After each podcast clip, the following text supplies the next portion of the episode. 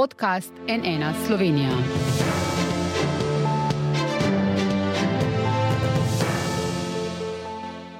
Dobr dan, to je NN studio. V letu, ko v Sloveniji ni predvidenih nobenih volitev, je ponovno oživela razprava o volilnem sistemu. Kot že leta opozarja del civilne družbe, je ta nepošten do državljanov. Še več, tudi tokratna vlada pozablja dane zaveze in obljube iz koalicijske pogodbe, da ga bo demokratizirala, opozarjajo pisci predloga za prenovo volilnega sistema, ki pa gredo tokrat še korak dlje. Zahtevajo, da o predlogu državljani odločijo na referendumu. Kakšne so možnosti za to, kaj predlog prinaša, zakaj se mu politika tako upira?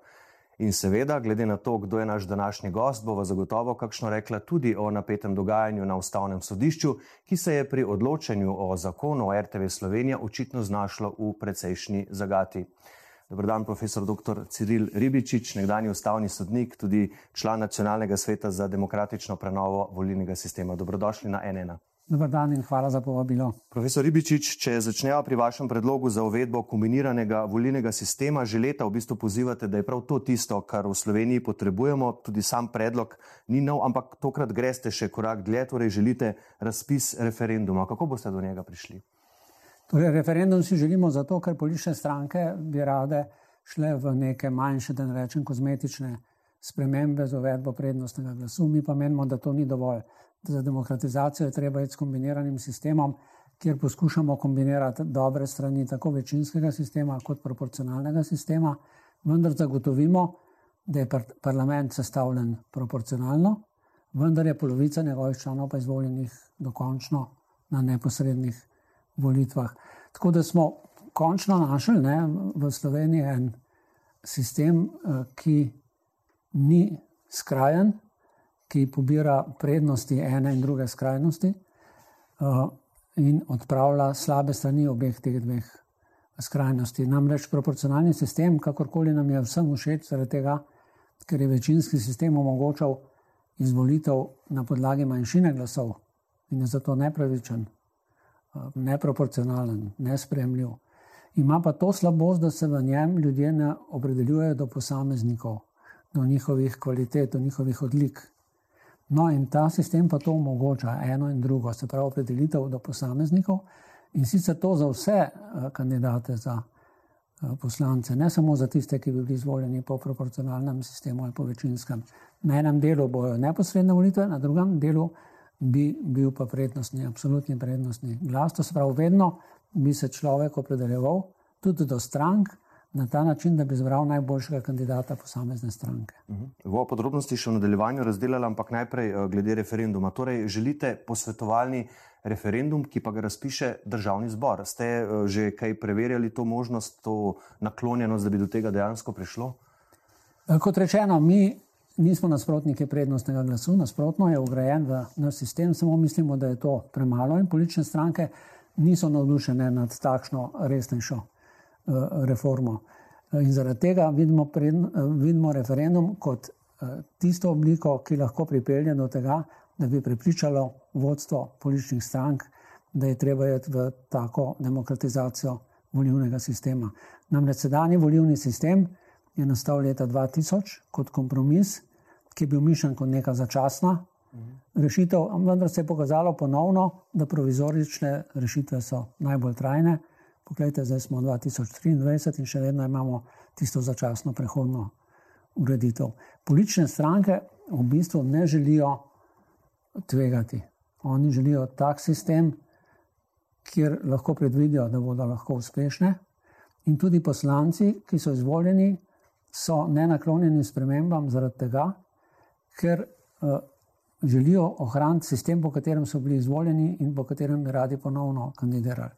Tako da, tako kot ste opazili, tudi z referendumom, ki bi bil posvetovalne narave, eh, ga ne moramo uh, usiliti, moramo prepričati uh, državni zbor, da je smiselno uh, organizirati referendum in vprašati ljudi, kakšen naj bo volilni sistem. Pa glede na to, kot sami pravite, da pač stranke niso navdušene nad tem, vas kaj skrbi, da vam bodo ustavile ta predlog, da pač do referenduma potem ne bo prišlo, če njim ni v interesu, da bi se to spremenilo, volilni sistem. Seveda nas skrbi, ampak mi smo slejko prej, da bo do tega prišlo. Mi smo naredili še uh, z pomočjo Nina Medije že eno um, glasovanje na uh, internetu, kjer so se ljudje lahko opredeljevali, in že zdaj lahko trdimo, da uh, bi ta sistem dobil večinsko podporo. Mm. Zdaj pravite, da tudi tokratna vlada pozablja na predvolilne obljube. Zakaj menite, da se teh sprememb ne loti? Ne na zadnje je zdaj, če gledava zdajšnjo sestavo parlamenta, vendarle 41 poslancev, poslancev neke nove stranke, ki recimo ne kalkulira do te mere kot stare stranke, tudi tista, ki ste jo vi včasih vodili, recimo SD, ne, ko vsak poslanec gleda svoj okraj, pa vemo, da so bile tudi v preteklosti poskusi pri uvedbi, pri spremembi volilnih okrajev in uvedbi prednostnega glasu, vedno potem ni bilo enotnosti znotraj same stranke. A, a, zakaj mislite, da tudi tisti, ki so zdaj na oblasti, torej Svoboda, ki so nova stranka, v bistvu eh, ne spravijo tega korak dlje? Mislim, da je pri novi stranki drug zadržek. Namreč boji se, da bo imela premalo prepoznavnih obrazov, ki bi bili lahko uspešni na neposrednih eh, volitvah. Pa mislim, da so tukaj preveč samokritični, zaradi tega, ker je to morda res ta trenutek, ampak volitve ne bodo danes. In ti obrazi nastajajo sproti, tisti, ki so zdaj ministri, ki so poslanci, eh, tisti, če bodo dobro delovali, pa še posebej, bodo s tem imeli eh, kar dober štart, štartni položaj za. Zmago na takih volitvah. Mhm. Je predlog tak, kot ste ga predstavljali v zadnjih letih, a ste kaj dodali, oduzeli, kaj torej prinaša bistvena novost? Je verjetno še vedno ta, da bi imel po tem predlogu vsak volilec dva glasova. Vsakdo bi imel dva glasova, zdaj nekateri pravijo, da je to preveč komplicirano. In enkrat ja. je res rekla Beneška komisija, da je za Moldovo to preveč komplicirano ta trenutek. Ampak mi vendarle nismo Moldova. Ne? En glas bi bil takšen, kot je na predsedniških volitvah, se pravi, ker bi bil dvokrožen sistem, kjer bi za kandidata v drugem krogu uh, kandidirala dva, tista, ki sta bila najboljša v prvem krogu, če ni v prvem krogu noben dobil večine. Drugi del pa poteka tako, kot potekajo danes že evropske volitve, v Sloveniji pa tudi volitve nekaterih, uh, oziroma več, v večjih občinah, občinskih svetov. Tam bi bil pa prednostni glas, ki so se ga ljudje tudi že uh, navadili. Imamo pa dve novosti, ki so, lahko bi rekli, neka svetovna inovacija, uh -huh. ki jih nimamo niti v Nemčiji, niti v Novi Zelandiji, dveh državah, po katerih smo se, ki smo jih posnemali. To je, da je pri nas večinski del volitev dvokrožen in ne enokrožen, kot je v Nemčiji in Novi Zelandiji.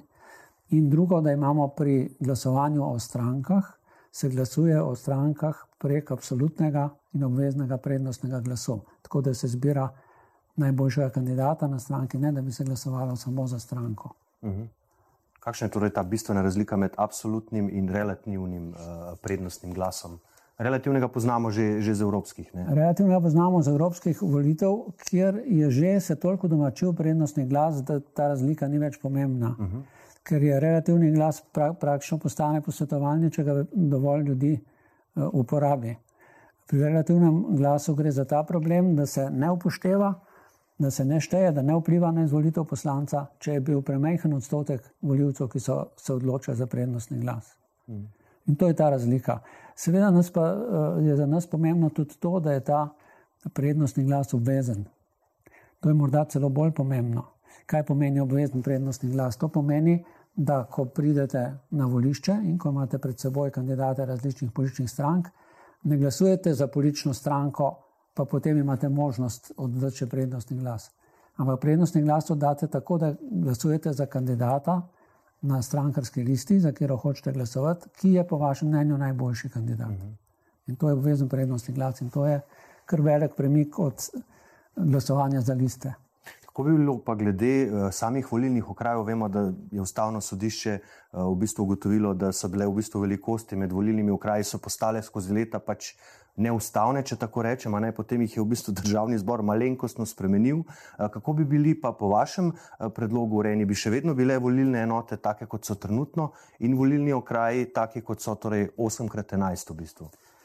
Ja, stvar bi bila nekoliko drugačna. Zdaj, za prvi glas bi, bili, bi bile volilne enote, zelo volilne enote, v katerih uh, je pa pomembno, da je približno enako voljivcev. Uh mhm. -huh. Eh, povsod tam, kjer imajo ta večinski način volitev, kjer volimo poslanca, ki ima domicil v tej volilni enoti, bo v tej volilni enoti imel tudi poslansko pisarno, ki je za povezavo med to enoto in uh, parlamentom, tam je veliko bolj pomembno kot v proporcionalnem sistemu, da so volilne enote približno izenačene po velikosti.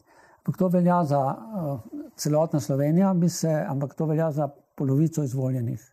Druga polovica bi bili, bila izvoljena na podlagi strankarskih list za prednostnim glasom. Uh mhm. -huh. Ampak eh, velikosti volilnih okrajev bi potem bi, bi morali, še enkrat bi morali risati volilne okraje. V bistvu. Ja, seveda, treba jih je prilagoditi.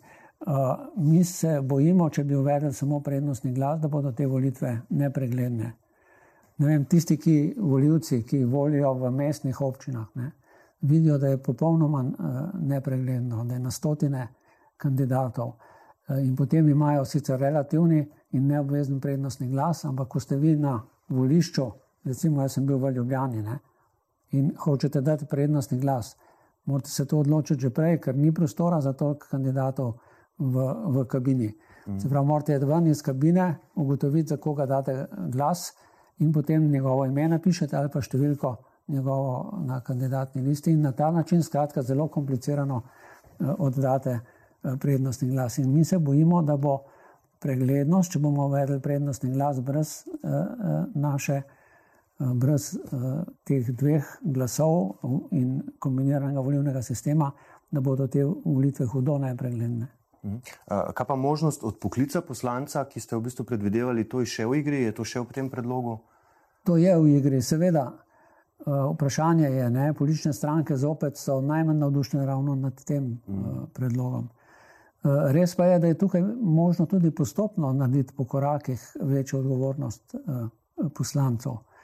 Recimo to, kar je že uveljavljeno tudi v, v domovini parlamentarizma v Združenem kraljestvu, da kadar naredi nek resen prekršek poslanec in ga seveda ni mogoče zamenjati, so neke začasne sankcije, da nekaj časa ne more upravljati te svoje funkcije. Skratka, obstojijo neke uh, medrešitve, umestne, kompromisne rešitve, uh, s katerimi smo se tudi ukvarjali in ki uh, lahko okrepijo v prehodnem obdobju odgovornost poslancev tudi v času, ko še nimamo odpoklica v pravem smislu.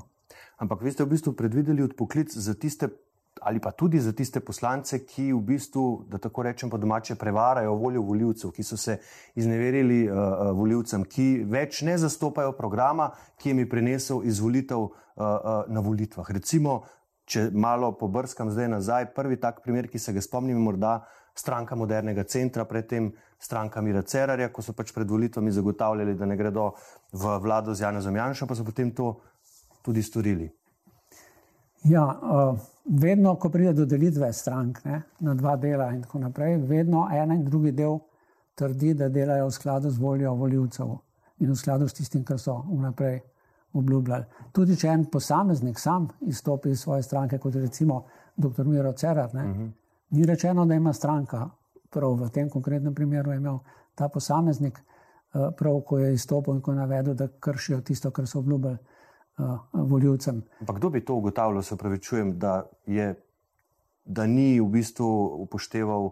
Oziroma, da je prekršil to, to voljo voljivcev. To bi ugotavljali voljivci sami, to se ne da ugotoviti na drugačen način. Uh mhm. eh, -huh. S tem, da je tukaj treba iskati tudi racionalne rešitve. In racionalna rešitev je, da se z enim glasovanjem opravi odpoklic. E, tukaj imajo američani nekaj izkušenj to na, na lokalni ravni, pa tudi za guvernerje. Švarcenegar je bil na ta način izvoljen. Se pravi, postavi se proti kandidat, aktualnemu kandidatu, ki opravlja funkcijo. In če je on izvoljen, je s tem bil opravljen odpoklic in že tudi izvoljen nov kandidat, če pa ni bil ta uspešen, pa ostane prejšnji na svoji funkciji. Se pravi, z enim glasovanjem opravljamo tisto, kar bi pri nas opravljali s tremi glasovi, najprej od poklic, potem še dvokrožno. Ampak pa bi bil ta sistem uh, različen za tistega poslanca, ki je izvoljen na, uh, torej, po večinskem sistemu in ali za tistega, ki je izvoljen po proporcionalnem sistemu, ker po vašem predlogu bi jih bilo 44, tako 44, pa tako bi bila tu potem tudi razlika pri odpoklicu za to. No, se je skrbelo to in smo poprašali uh, strokovnjake iz Nemčije, profesor Arnold, Arnold je bil tukaj nam je predstavil ta sistem in direktno sem ga vprašal prav to vprašanje, ali prihaja v njihovem Bundestagu do uh, nasproti med enimi in drugimi poslanci, ker so eni izvoljeni na en način, drugi mm. na drugi način in je to, in je to zanikal. Seveda bi tako na prvi pogled lahko rekli, da bi bil odpoklic zelo logičen pri tistem poslancu, ki je izvoljen neposredno, težji pa seveda, ko gre za mhm. proporcionalne volitve. Zakaj? Zato, ker je tukaj treba zamenjavo izpeljati tako, da se ne poruši proporcionalnost, ker drugače bomo kar naprej imeli odpoklic ne zaradi grehov, ki jih je naredil poslanc, ampak zaradi tega, ker se bojo poraženi volitev hotel zavihteti po krajši poti, po bližnjici, ponovno na. Oblast. Zdaj, leta 2021, ko ste na zadnje pozivali k sprejetju tega predloga, ste zapisali, citiram, Eh, številni voljivci so prepričani, da je vseeno, koga volijo, saj stranke in poslanci vedno naredijo po svoje, ne da bi zato odgovarjali eh, voljivcem. Zato je tudi udeležba na volitvah vedno nižja, ste takrat ugotavljali v vašem svetu. Konec citata. Ampak letos zatem je pa udeležba na parlamentarnih volitvah poskočila skoraj za 20 odstotnih točk, ne glede na zadnje volitve predtem in je bila najvišja po letu 2000. Ali torej ustrajate pri tem, da bi ta novi sistem prinesel tudi više udeležbo? Zdaj bo šlo bolj za vprašanje, kako zadržati to visoko udeležbo. Uh mhm. -huh. Ker ta je bila iz, spe, iz specifičnih razlogov, ni bila zaradi volilnega sistema ali pa zaradi tega, ker bi bili ljudje navdušeni nad sedanjim volilnim sistemom prej nasprotno, bila je zaradi tega, ker je prišlo do velike zaustritve, velike polarizacije. Ta polarizacija, nažalost, traja tudi po volitvah, čeprav je namen volitev, ne, da se to umiri in da se po volitvah nekdo pač prevzame odgovornost za izvršno oblast, drugi je pač konstruktivna opozicija.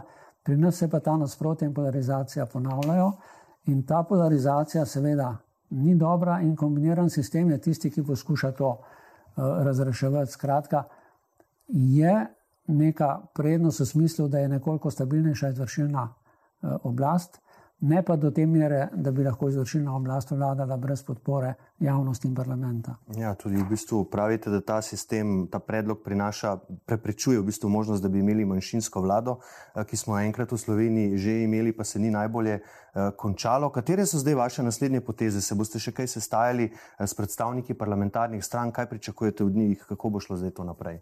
Ja, mi se sestajamo uh -huh. z njimi. Jaz sem bil dvakrat v teh stikih, enkrat še, ko je eh, predsednik republike eh, Borod Pahor nas prosil za pravno mnenje o tem, drugič pa zdaj v zadnjem času. In eh, vedno smo imeli občutek, da politične stranke odločajo na ta način, da povedo, kateri predlogi so.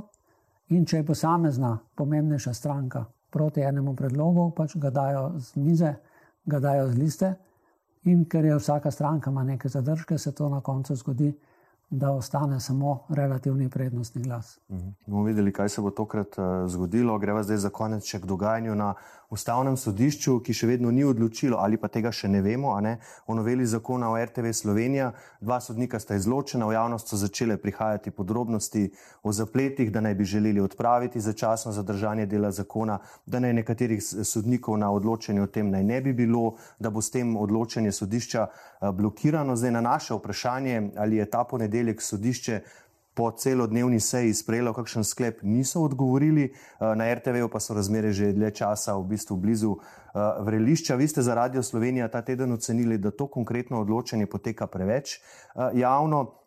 Medtem se pojavljajo tudi politični pritiski z obeh strani. Kako zdaj presekati ta gordijski voz? Seveda, osnovna naloga ustavnega sodišča je, da odloči. Ampak, če tega ni zmožno, kaj lahko stori, katere možnosti so sploh ostale?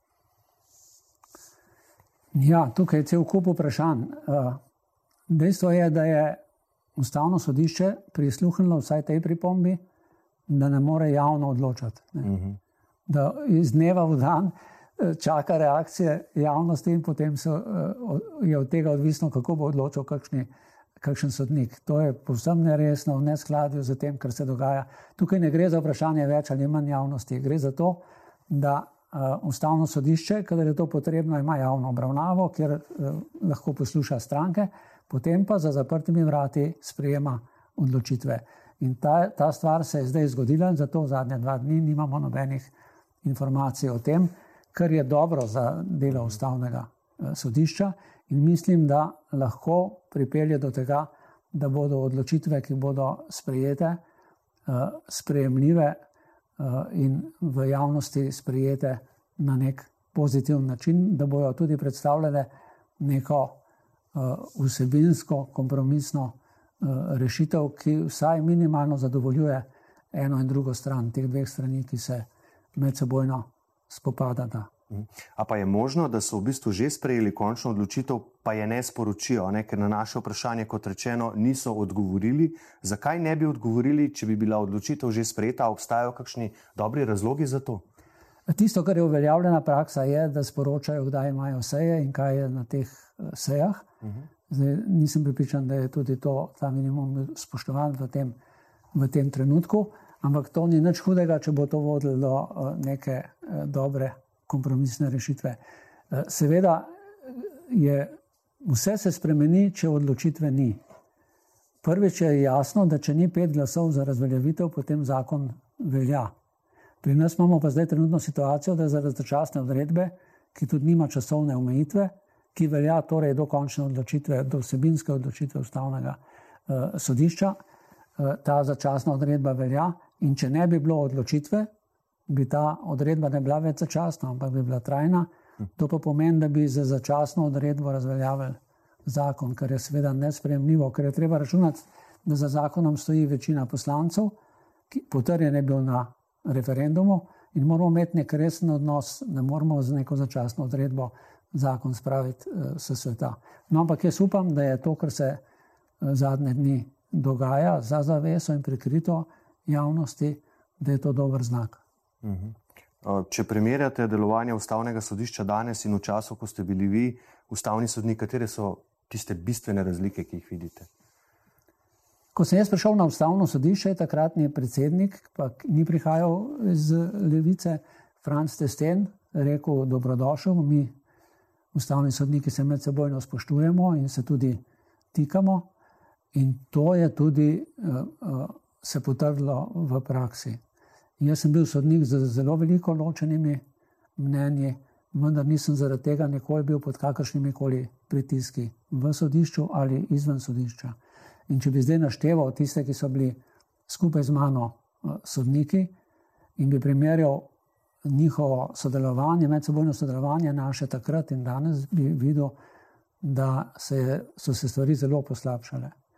Se pravi, družba je uh, razdeljena, uh, zelo hudo je, da imamo recimo v ustavnem sodišču posamezne sodnike, za katere vnaprej vemo, kako bodo uh, odločali. In še nekaj bi lahko takih znakov uh, navajal, ki kažejo, da se ta delitev v družbi in polarizacija v družbi prenaša tudi v ustavno sodišče. Bomo videli, kako se bo na koncu razpletlo, seveda bomo z zanimanjem spremljali. Za danes pa, spoštovani profesor dr. Ribičič, najlepša hvala, da ste bili gost NN. Hvala za povabilo. Hvala pa tudi vam za vašo pozornost. Seveda bomo še naprej pozorno spremljali, kaj se bo dogajalo s predlogom za spremembo volilnega sistema in kako bo odločilo ustavno sodišče, ko bo ta odločitev sprejeta in tudi skomunicirana. Jo boste seveda lahko najprej prebrali tudi na nnainfo.si, iz studija pa le še lepo zdrav in nasvidenje. thank you